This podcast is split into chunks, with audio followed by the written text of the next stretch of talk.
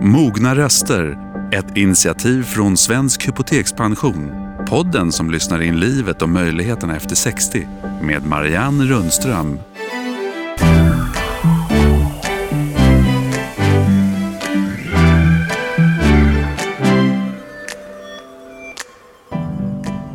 Välkomna Mogna Rösters allt fler lyssnare. Vi går in på vårt fjärde år nu och tänk så många inspirerande människor från samhällets alla hörn faktiskt som har spårat vägen efter 60 åt oss här i studion. Strax ska ni få möta världens äldsta diskjockey som idag ska ge oss tips på vad som egentligen är viktigast när vi alla ska förverkliga nyårslöftena kommer inte ihåg om jag sa att jag skulle gå på gymmet tre eller fem gånger. Det har redan spruckit kan jag avslöja. Men förutom vikten att hålla kroppen igång så handlar det ju också om knoppen och ofta sägs det ju att den som är nyfiken kan hålla åldrandet på avstånd. Lika nyfiken som en tonåring är nyttigt säger forskarna. Och kanske tillhör ni dem som gav er ut och tågluffade när ni var unga. Och det är inte för sent faktiskt. Om en liten stund kommer Anders Widfeldt hit och han och eh, hans fru och en liten hund har varit ute på en senior tågluff. Möjligen sov ni i natt också på lakan skapade av dagens tredje gäst. Det var nämligen något alldeles särskilt hon kom på, Lexingtons grundare. Kanske har hon tips för alla som går och ruvar på tanken att gå från anställd till sin egen. Då kör vi igång! Ja, den här tiden på året så avges det ju så många löften och finns så goda föresatser om att ta tag i den egna kroppen och komma i form. För många är det där en ansträngning bilagd redan i februari-mars. Det kan jag verkligen känna igen mig i för övrigt. Men det är ju egentligen rätt korkat eftersom det handlar om en investering i mig själv och en möjlighet att leva frisk och länge. Dagens första gäst var därför nästan självskriven. För här sitter Madeleine Månsson som eh, har sysslat med träning för 60-plussare länge, dessutom är mm. världens äldsta DJ. Du Kvinnliga DJ. Kvinnliga, ja. Jag misstänker ja, att det kan finnas en man som är i min ålder eller äldre. Men nu är jag så glad att ha en världsrekordhållare här nu ja, så nu får vi hålla fast vid det. Du är så välkommen i alla fall. Tack så mycket. Och vi ska återkomma till det här DJ-andet så småningom. Okay. Men jag tänkte just eftersom vi är nu i början på året och eh, jag och alla andra har haft de där, mm. ni vet, högljudda mm. eller tyst för mig själv eh, löftet på nyårsafton att nu ska mm. jag träna tre eller fem gånger i veckan eller vad det nu alltså är. Jag upplever att upp till 50, 55 så behövde man inte vara sådär jätteseriös med sina nyårslöften. Eh, men i min ålder, i vår ålder och i mogna röster, ni vänder er väl, eller vi vänder oss väl till 60-plussare. Mm. Där är det faktiskt ett måste man måste, och precis som att man måste borsta tänderna, det gör de flesta människor. Precis av samma anledning måste vi bry oss om våra kroppar och vad vi gör. Men vi behöver inte överdriva. Och det är därför som jag eh, nu håller på, jag kanske får säga det, att vi håller på att skriva en bok där jag sammanfattar, jag har ju sysslat nu eh, som styrketräningsinstruktör i 15 år. Mm och eh, jobbar för olika tidningar som deras träningsexpert och så vidare. Skriver krönika i en tidning i fem år. Och det här har jag nu samlat ihop till något. Boken ska heta Good enough. Och det innebär att vi som nu är 60-plussare vi behöver inte göra hur mycket som helst. Vi behöver inte gå 10 000 steg om dagen. Det räcker med 6 000 steg om dagen. Men gå gärna sju, eller, men de här 6000 stegen ska vara från punkt A till punkt B. Det gör man alltså utomhus eller på ett band, ett sånt här band mm. man kan gå på. Mm. Men självklart ska man gå utomhus så man får luft. Men Madeleine, nu är ju inte du en vanlig människa riktigt som du sa. Så du, du mm. började som aerobic-instruktör efter 60. Ja, jag utbildade faktiskt. mig när jag var 62 år. Uh -huh. Och anledningen till att jag utbildade mig det var att antingen så var träning, för jag gick ju på olika gympapass, för jag, jag insåg då i 62-årsåldern att det skulle vara hälsosamt för mig. på grund av att jag var nybliven änka och jag var håglös och deprimerad och tänkte att eh, det var väl det var bra att gå på ett gym. Mm. Då skulle man ju bli eh, pigg och så vidare. Men jag hittade ingenting som passade för antingen var det en jättesöt, ung, fantastisk tjej med tatueringar som skrek att man var grym. eller så var det alltså nära döden upplevelse med senior, det hette då seniorgympa. Och nu är inte seniorträning idag som det var för 15 år sedan. Men det var förfärligt. Det var mm. alltså, och då tänkte jag jag ska utbilda mig själv. Det måste finnas något där mittemellan för oss som fortfarande vill röra på oss, kan röra på oss. Men du betonade ju nu nödvändigheten ja. som att borsta tänderna ja. sa du. Ja. Alltså, har, du. Har du tränat nu innan du gick hit på morgonen? Ja, det har jag. Jag har gjort armhävningar och knäböj. Det tar fem minuter. Fem minuter. Varje dag? Knäböj och armhävningar det gör jag två gånger i veckan. Fem minuter varje gång. Och sen gör jag, alltså jag går igenom, jag har ungefär fem muskel, alltså styrketräningsmuskelgrupper. Jag delar upp det i fem. Så det är mage, rygg och så är det rörlighet. Och, eh, så de andra två dagarna tar jag ett annat muskelpaket som tar 10 minuter. Så två gånger i veckan så gör jag en liten del och två gånger i veckan en lite mer del men aldrig över 10 minuter. Och det gör jag inte för att jag skrattar ihjäl mig och tycker det är jättekul. Men jag gör det därför att jag mår bra av det. Mm. Av samma anledning går jag ut och går. Nu har jag hund men jag skulle gå ut och gå i alla fall. För mm. att, och allt det här träning, gå ut och gå ska man göra på förmiddagen.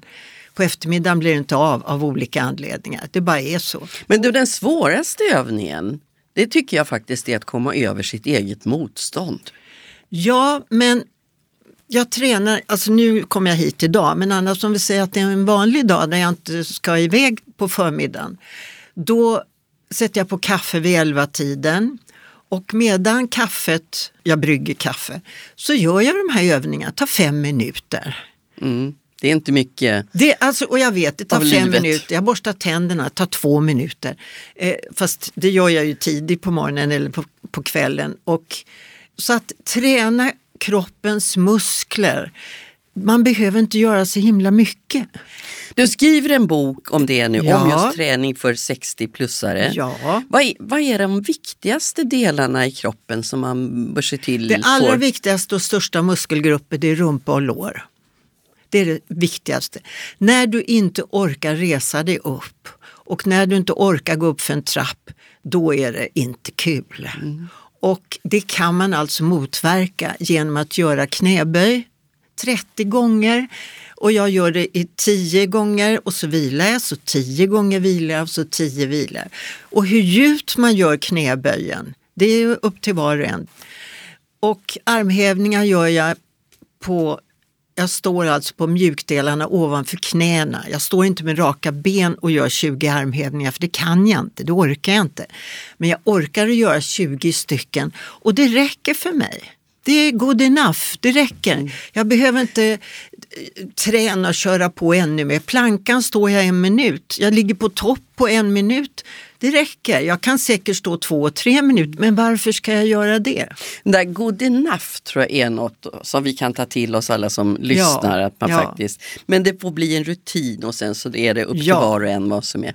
Men jag, det jag tänker att precis nu har vi bakom oss den här tiden. Åh oh, vad halkigt det har varit och isigt det har varit ja. i år.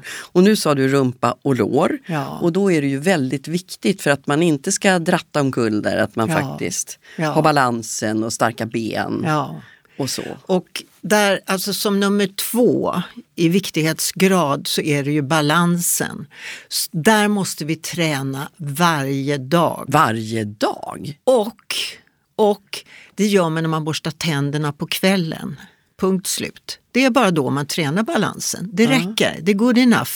Man alltså har en elektrisk tandborste och den indikerar 30 sekunder så bzz, bzz, hörs det två gånger. Då vet man, okej okay, nu tar jag baksidan på under, vad det nu heter, underkäken. Bzz, bzz, och sen byter jag ben när jag tar överkäken. Och så att i flera års tid har jag borstat mina tänder stående på ett ben när jag borstar tänderna på kvällen. Inte på morgonen. Det, det, får, det får räcka, mm. det är good enough. Två minuter, jag har jättebra eh, balans. Det räcker. Ja, men göra det till en, en verkligen en rutin, att man ja, gör det alltså varje dag. När jag, så att det... Eh, när jag börjar göra ordning tandborsten, så jag lyfter på benen automatiskt. Det, det, jag menar, jag tänker inte ens en gång, oj visst jag ska stå på ett ben. Det måste alla göra. Mm. Och jag kan visa tio eller jag kan beskriva tio balansövningar. Men varför då? Det här räcker. Och Känner man då att stå på ett ben är för enkelt, då kan man böja på benet och sträcka på benet, böja och sträcka det man står på. Man kan göra en åtta med det andra benet. Man kan liksom, men, och så står man nära handfatet så att man kan hålla i handfatet och så släpper man taget. Nej. Men det är de där dyra träningskorten som säkert låg i många inslagna i julpapper i, ja. under julhelgen. Är, är det inte nödvändigt? Jag tycker att var och en får hitta den träningsform som de tycker om. Eh, många går ju på gym också på grund av det sociala, att man dricker kaffe efteråt och man träffas och man har trevligt. Och många älskar sina instruktörer och min tid som gympaträningsinstruktör eh, var fantastisk med dessa underbara människor som en del gick på mina pass i över tio år på varenda pass. Alltså det var fantastiskt. Och det var på grund av mina träningspass som jag blev eh, DJ. Mm.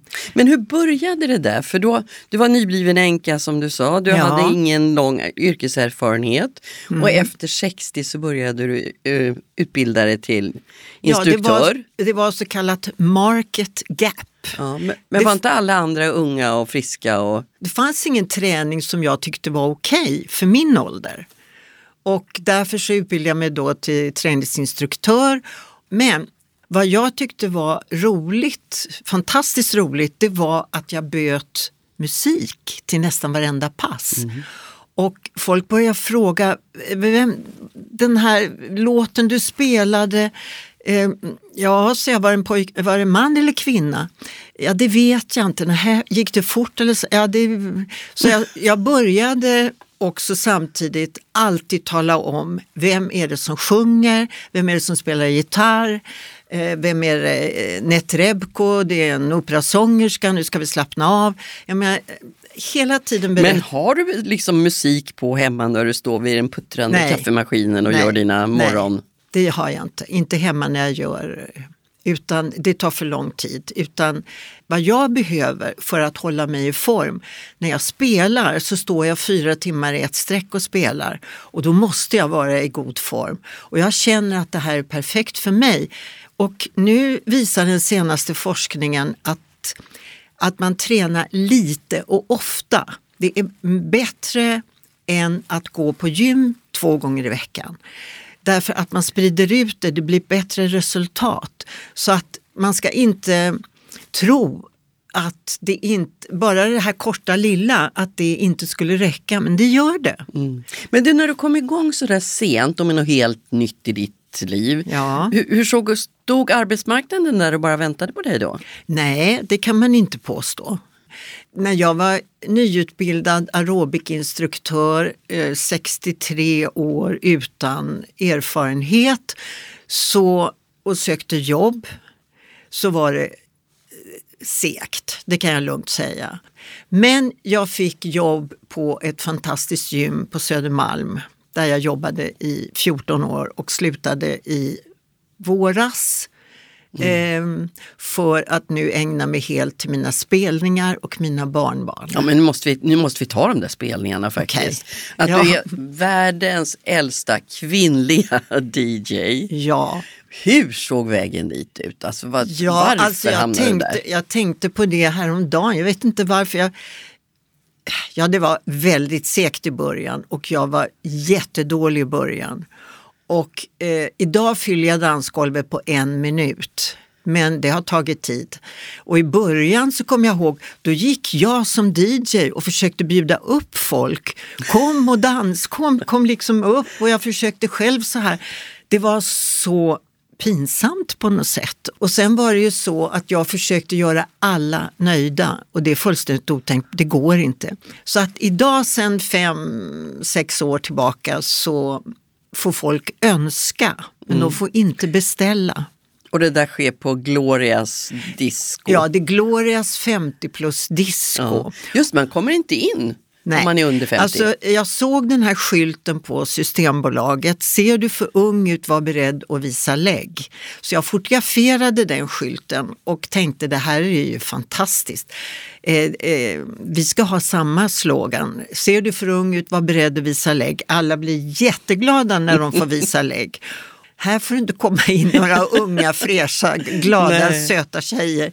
Och idag så är de som kommer till diskot, de är fantastiska. Mm, och fullsatt festligt och fullsatt. Verkligen. Måste bara säga det att nu, nu sitter du här i våran poddstudio i en glittrande fantastisk ja. Och det där är egentligen dina arbetskläder, så där ser du ut på kvällarna ja, när du jobbar. Har... Men vad får du tillbaks själv? Du har glatt massor, så många andra. Massor, massor, massor.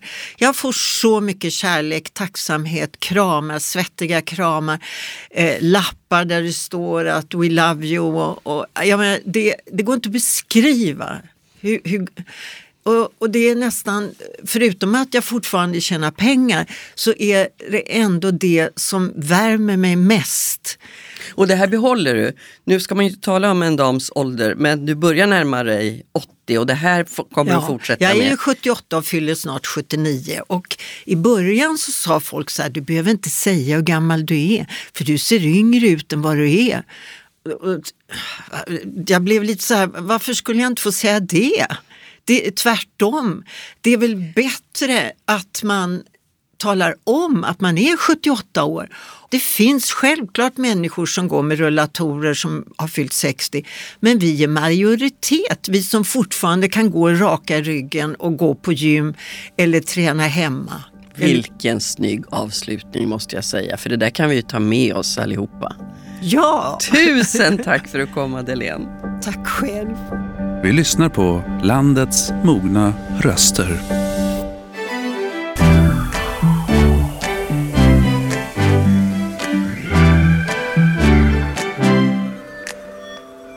Ja, en av fördelarna med att passera 60-årsstrecket är förstås att många blir friare och får mer tid. Och det kanske är en av förklaringarna till att allt fler seniorer ger sig ut på tågluff igen, kanske man ska tillägga, för många gjorde ju det när de var unga. 1972 kom interrailkortet som gjorde världen tillgänglig för väldigt många som tidigare kanske inte hade haft ekonomiska möjligheter att lägga världen för sina fötter. Och det här är nu precis vad vår nästa gäst Anders Widfeldt, välkommen hit, har Tack. gjort tillsammans med din fru Annika. Men det var inte enda resällskapet. Nej, vi tog med hunden också, en dvärgtax som heter Peps. Ja, det låter som att ska återkomma till det, men att, man, att ni gjorde det lite svårt för er. ja, men det fanns inte på kartan att vi skulle sticka iväg utan hunden och när vi väl hade bestämt oss att sticka så var det, handlade det bara om att se till att hunden kunde följa med och allt praktiskt som man måste som ska fungera då. Ja. Och ni tillhör ju de här som jag pratade om som var ute just och tågluffa ja. som unga. Vi, ja. Då kostade ett interrailkort 350 eh, kronor tror jag. 350 typ i början på 70-talet. Ja. Förutom att det väl kostar en helt annan summa idag. Så vad är den stora skillnaden med att tågluffa som äldre? Ja, det, det, många likheter. Skillnader är att ja, det, det, kostar betydligt mer i och för sig. Alltså, säkert om man räknar om i penningvärde och sådär. Men, men eh, det är modernare tåg på 70, i början på 70-talet kunde man åka ner i Tyskland på så här Deutsche Bundesbahn och då var det sådana kupéer som man gick in så kunde man fälla ihop sätena så man nästan kunde göra en sovvagn av en kupé. Mm, just det. Så nu just är det lite det. mer att vara förutseende, kanske i platsbiljetter och sådär i, i vissa länder. Och, så. och det är mer folk på tågen tror jag också. Men nu reser vi under lågsäsong så Mm. Men tre månader utan att riktigt veta vart hän. Nej. Alltså, hur, hur kom ni på den här idén att nu är det dags igen? Vi kom på under pandemin att vi ville resa igen eh, och sen att vi ville vara borta lite längre än några veckor, alltså några charterveckor till Grekland och sånt där. Och sen var ju Peps med, han blev ju liksom ett, inte ett problem, men liksom, vi måste göra resa på ett sätt där han kunde hänga på. Ja, anpassa er efter... Anpassa och då, och då blev det tågluff och sen tänkte vi, ja, ska vi vara ute en månad, ska vi vara ute två månader? Äh, vi, tar, vi testar tre, funkar det inte så åker vi hem. Så vi köpte tågluffarkort för tre månader. Mm. Och hur mycket visste ni? Hur mycket var planerat då? Visste att vi ville åka till Storbritannien först. Eh, för att dels är vi anglofiler, bara förnamnet och så. Sen, sen eh, fick vi se vad det, vad det blev. Så att säga. Sen gick de här tre månaderna väldigt fort. Så, eh, så att det blev väl egentligen i princip bara Skottland, England hela tiden. Mm. Och så vägen dit Och förstås. vägen dit, då, ja, och vägen dit i sig var ett problem eftersom jag hade en hund som skulle då komma in i Brexitland. Vilket är vissa, eh, man måste ta hänsyn till olika regler för att få in honom bara. Men, men jag tänker, om man tittar själv, så, alltså, en sak som ju eh, att li- bli lite äldre har medfört, det är den där bekvämligheten att, och tryggheten. Man ska veta var man kommer. Och nu sedan lång tid tillbaka så sitter man och planerar resor så googlar man ju, man ända in i sängen, man vet hur sängen kommer att se ut. Jag vet och många, många är så, jag förstår det. Men vi är inte sådana, har aldrig varit sådär. Och Annika nästan ännu mer att ta, ta det på uppstuds, ta dagen som den kommer. Så vi hade planerat hur vi tar oss från Stockholm via Hamburg, eller Köpenhamn, Hamburg, Rotterdam över till England. Då hade vi bokat ett hotellrum på vägen och sådär. Så att vi visste att vi skulle komma in i England inom fem dygn som var liksom gränsen för att få in peps. Men när vi väl var där sen, då var det liksom, vi tog det dag för dag bara. Mm. Vad händer med människan, eller vad händer med er när man reser så här planlöst? Ja, vad händer? Det, det var rätt skönt. Alltså man, man lugnar ner sig liksom och det, det blir inte så bråttom. Sen är man ju ot- otroligt privilegierad som kan göra på det här sättet, känner ju vi hela tiden. Och, eh, dessutom reste vi och jobbade samtidigt, så det var inte bara det att vi, vi liksom skulle, det var ingen semester egentligen. Det sa inte jag från början. Du är journalist och frilansare bägge två nu med Ja. eget företag. Ja. Så vad kunde ni göra då? Så? Vi packar, vi, dels reste vi med ryggsäck och det, det var som på 70-talet. och Jag tänker många har rullväska eller liksom någon annan typ av väska. Nej, vi, åkte, vi packade varsin ryggsäck. Sen var en tredjedel av min ryggsäck det var hundmat, Nej, torr, torrfo, torrfoder, vattenskålar, eh, Har de inte hundgodis. hundmat Jo, men man vill att han ska äta samma som hemma i möjligaste mån och sådär. Och, och resten var ju liksom datorer, ma- eh, mackar, la- iPads, telefoner, laddare för att kunna jobba på Men gick resa. ni liksom runt i bara mässingen? Lite kläder med Vi måste hade man jättelite kläder med oss Ja. och tänkte att man får tvätta efterhand. Liksom. Så det, vi åkte inte runt med några eleganta kläder kan jag säga. För det där är, det funderar jag lite över. Alltså man ska vara borta tre månader. Ja. Och så, jag kan ha svårt att packa för en helg. Ja, du ser. Man packar, ja men du vet, man lägger i, packar ut och ändrar sig och sådär. Men, men det är klart, då kan man inte göra det. Nej, det var, sen kom det väl något läge, det var någonstans uppe i Skottland. Jag tänkte, har jag bara ett par skor? Jag borde ha ett par skor till. Det var rätt skönt att byta skor bara någon gång. Så då köpte jag ett par till. Och så, men det var några t-shirts, liksom underkläder, eh, så här funktionsbrallor. Alltså, vi reste ju inte runt liksom elegant. Vi såg ut som man gör när man går ut och fjällvandrar typ. Lite grann. Och någon varm tröja, that's it. Ja, inget problem i alla fall att packa för så lång tid. Nej, men man kan, vi kände man kan alltid köpa om man behöver. Liksom. Men när det inte är planlagt, vare sig då var ni ska, ska Mm. komma någonstans eller ja, lite grann vad, vad ni hade mer och sådär också.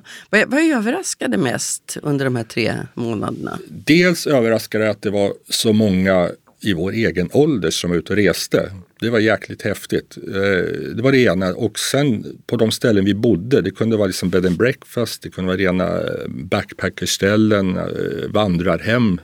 Vi, vi, vi försökte bo så hyggligt billigt vi kunde då. Att och, också var folk i vår egen ålder. Alltså det, men just de här som vi stötte på under resans gång, det var helt enormt. Det var 60-65-plussare som hade slutat jobba några år tidigare. var någon som var advokat men han tänkte, äh, fan jag måste så länge jag är pigg och mår bra, då, då reser jag hellre. Vi träffade en kvinna på Yttre Hybriderna som bodde i, någonstans i Yorkshire egentligen och hade fått en cykel i födelsedagspresent. De fyllde 65 och sånt där. Som cyklade liksom från södra till längst upp i norr på Hebriderna. Det är alltså stormväder, ösregn från tvären. Och inte platt precis. Nej, eh, inte platt heller och så här på sina ställen. Alltså så att just att vi träffar jämngamla, trevliga människor. Är det kontakter som kommer att bestå tror ja, flera, flera. Vad roligt. När vi, och sen på slutet när vi var nere i Cornwall i England och då ut med, gick med Peps. Peps var ju liksom nyckeln till att vi träffade så mycket folk också. För folk, britter älskar hundar. Så fort vi kom ut, eller var, var som helst, så oh, får vi hälsa på hunden. He's gorgeous, oh he's lovely, what's his name? Och, så, och så, så på pubbar tar de fram godis, vattenskålar.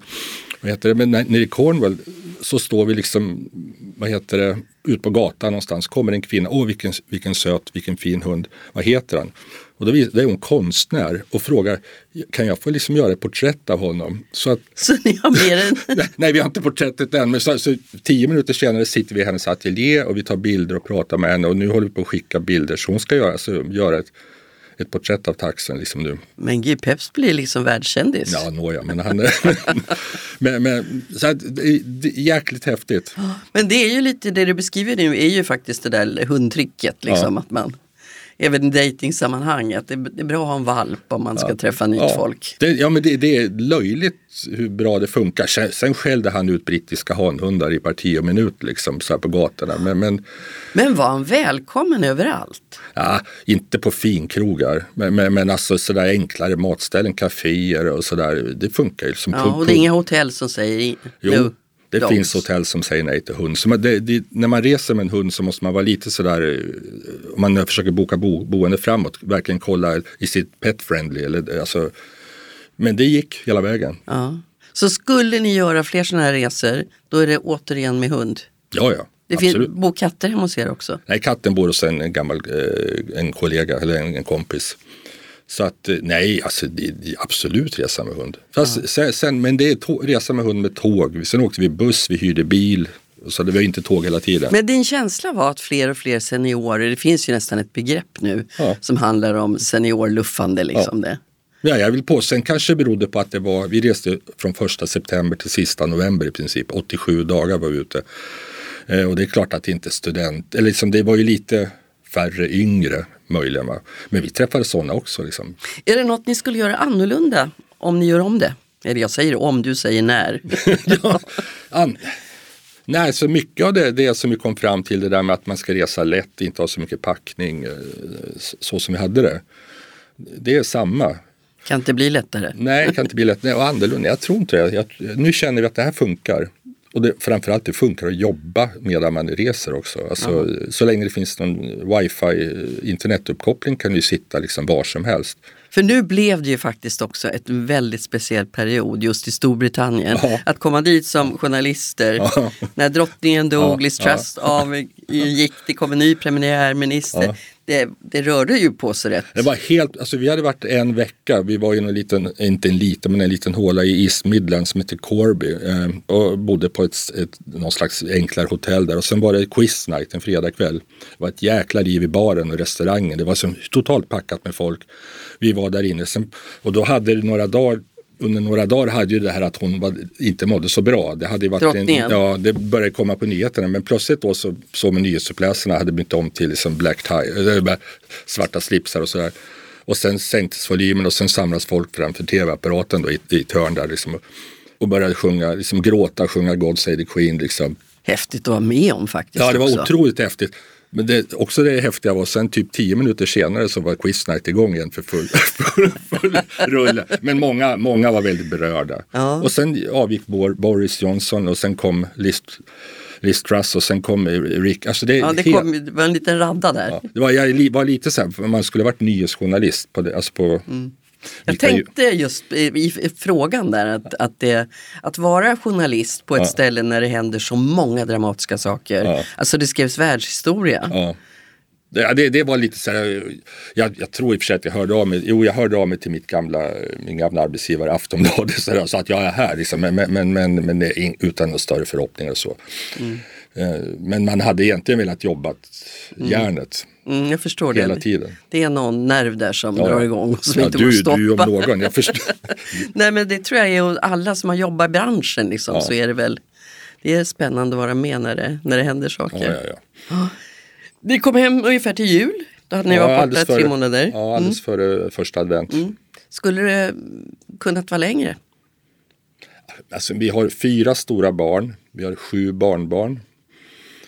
Från liksom jätteliten till 11 år så att säga. Det finns ju också någon gräns för hur länge man kan vara hemma. Vi har en katt som då i och för sig mår hur bra som helst var, där han var. Liksom. Någon gång måste vi komma hem. Eh, Men vi kände att man kan vara borta länge. Så, så att, en, en gång för en del år sedan utan hund var vi på Nya Zeeland i en månad. Eh, Och det kändes jätte, länge, rätt länge då. Men tre månader gick väldigt fort. Gick väldigt fort. Och då flyttade ni på er ganska mycket också. Ja eller inte. Alltså vi, vi hade ju liksom en lös resplan att vi ville åka till Ytterhybriderna. Men sen var vi en vecka på Orkneyöarna. Men sen när vi väl kom över till Ytterhybriderna blev vi kvar där en månad. Och bodde i två veckor i en gammal vagn, alltså en sån där vagn som fåraherdarna ha- hade, förr i tiden med en dubbelsäng, liksom ett litet kok, kokvrå sådär. Lite egen trädgård då. Ja, egen trädgård sådär. Eh, det var så häftigt att vara där och, så vi kände liksom, ja, nu, får, nu tar vi en paus i själva tågluffandet och bara hänger och utforskar hybriderna. Det är ju speciellt det där att kunna fatta beslut från dag till dag Bara- och låta lusten styra faktiskt. Men du, du beskriver ju en, en trend faktiskt, att fler och fler gör de här. Som seniorer och ger sig ut på olika sätt i FNA, naturligtvis. Men vad är dina råd då till, till den som blir jättesugen nu när de hör dig? Om det handlar om tågluft så ska, eh, eh, ett eller råd, men man ska vara medveten om att om man åkte tågluft på 70-talet så var det en litet häfte som man, som man skrev in, liksom, nu ska jag åka till Stockholm, Hamburg med blyertspenna typ. Nu är det naturligtvis en app i mobilen. Så en, en ångestgrej som var i början som jag sen slappnade av efterhand, det var ju liksom att skulle mobilen gå sönder eller någonting, liksom ska appen krascha, liksom, då har man liksom ingenting. Men man måste vara medveten om att det är liksom lite modernare på det sättet. Men sen är det liksom att vill man vara säker på att sitta på tåg, ja då ska man boka platsbiljett. Men gör man som vi, då, då får det gå. då, då, Nej, och det var aldrig sådär att gud vi har ingenstans att sova i natt. Det var, det var, jag tänkte ibland, tänk om det blir så att vi sitter på någon tågstation liksom, uppe i Sk- norra Skottland. Liksom, eller utanför på någon perrong. Liksom. Nej, det, det var inte i närheten. Jag tackar smått avundsjuk för att du kom. Ja, tack Det låter själv för att jag kul. fick komma. Tack för att du kom Anders. Nej, tack. Mogna röster, ett initiativ från Svensk Hypotekspension.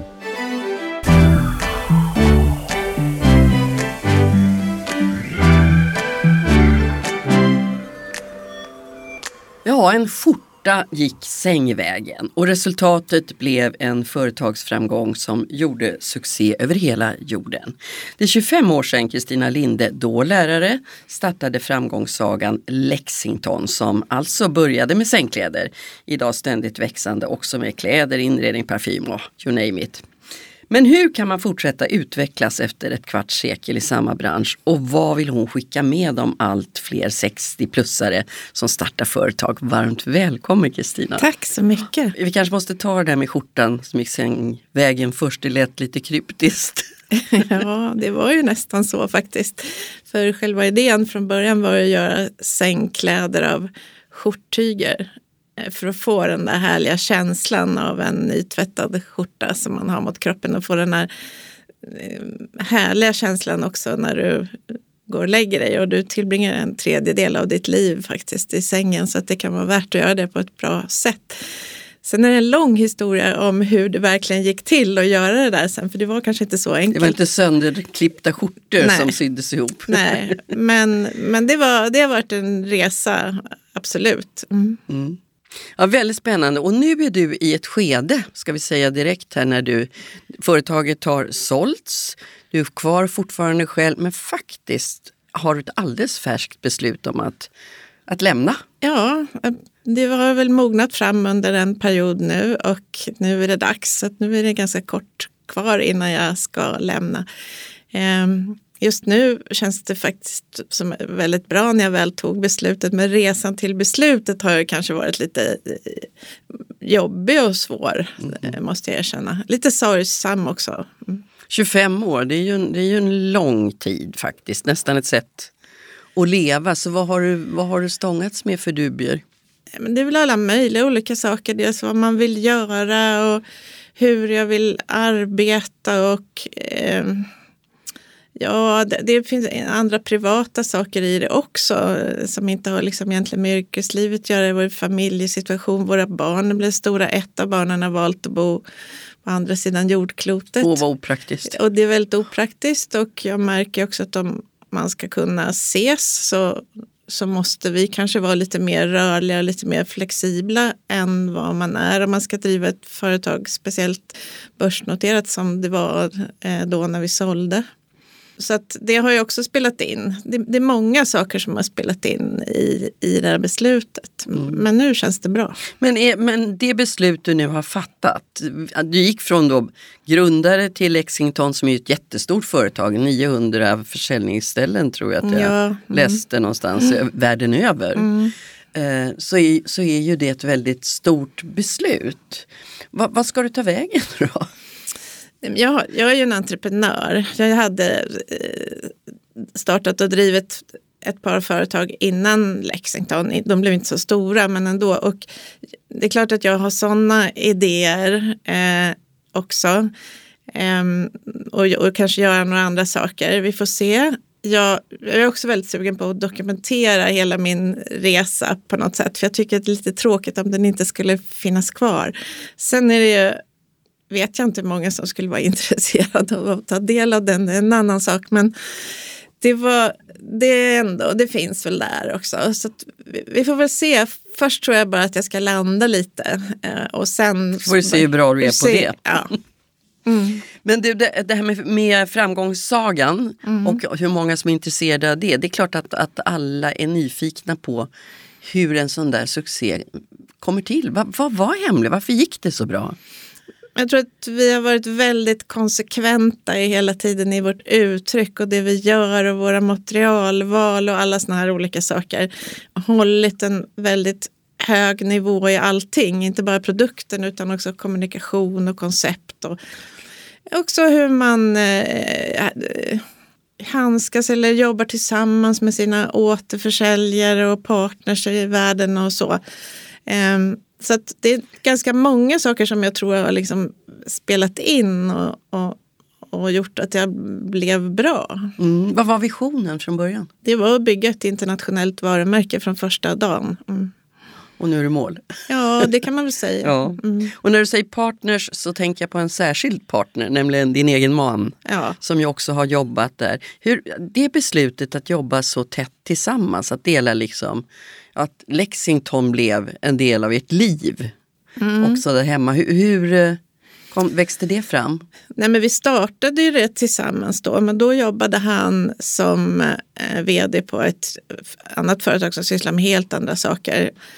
Så han var ju väldigt mycket inne på omsättningshastigheter och sådana saker, men ändå varumärken och koncept och sånt som var viktigt. Då.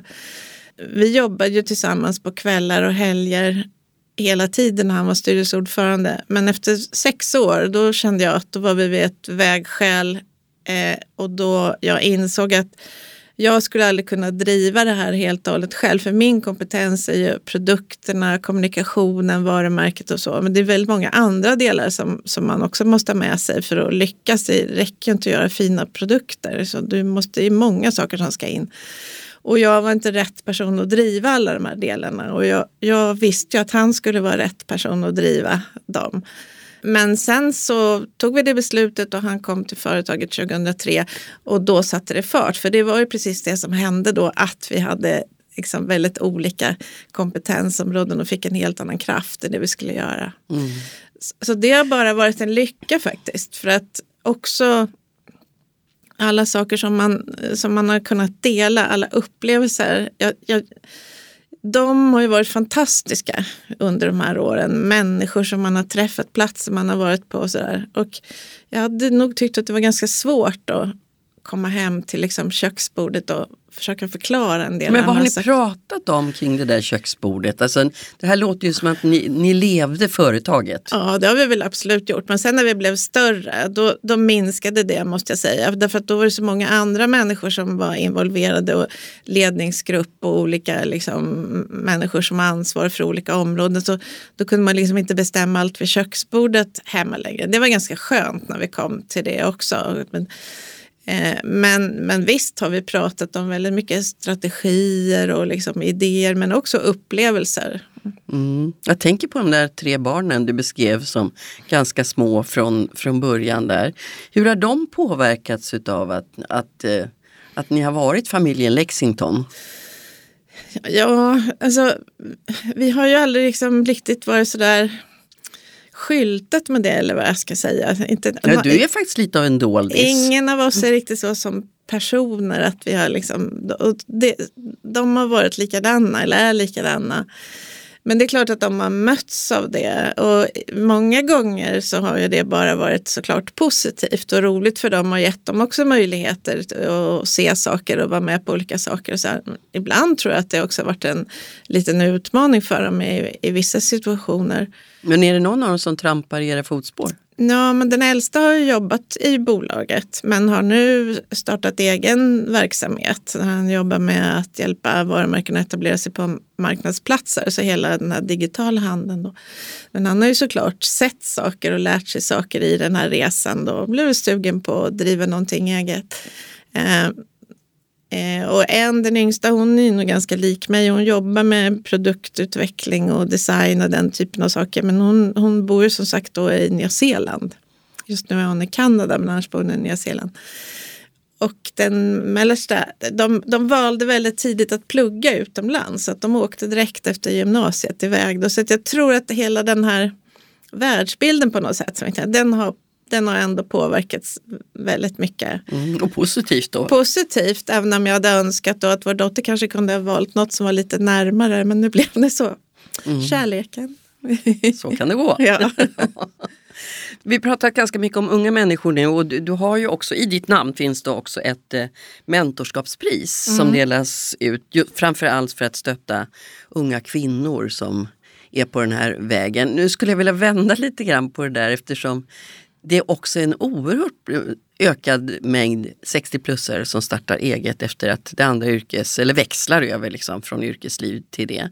Vad, vad, om du skulle vara mentor till dem, vad, vad skulle du eh, råda dem till då?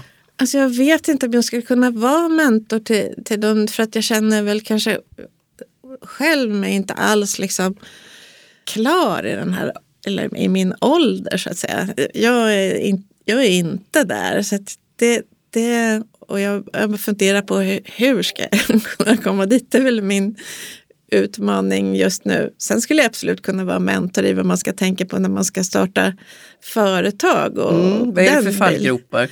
Nej, men jag tror att du måste vara väldigt klar över vad du, vad du vill göra egentligen. Och sen så sen måste du göra det helt enkelt. Alltså, det finns många som, det är inget fel att drömma, men du kommer inte bli någon bolag av att du drömmer. Utan Ingen du liten måste, hobby sådär. Ja, det är väl okej om man vill det. Alltså alla bolag behöver ju inte bli jättestora. Är det det som är ditt mål så tycker jag det är absolut fine. Men det blir ingenting om du inte gör saker. Men är det för sent eller är det en bra ålder att, att ge sig in i att, att starta eget bolag när man är 60 plus?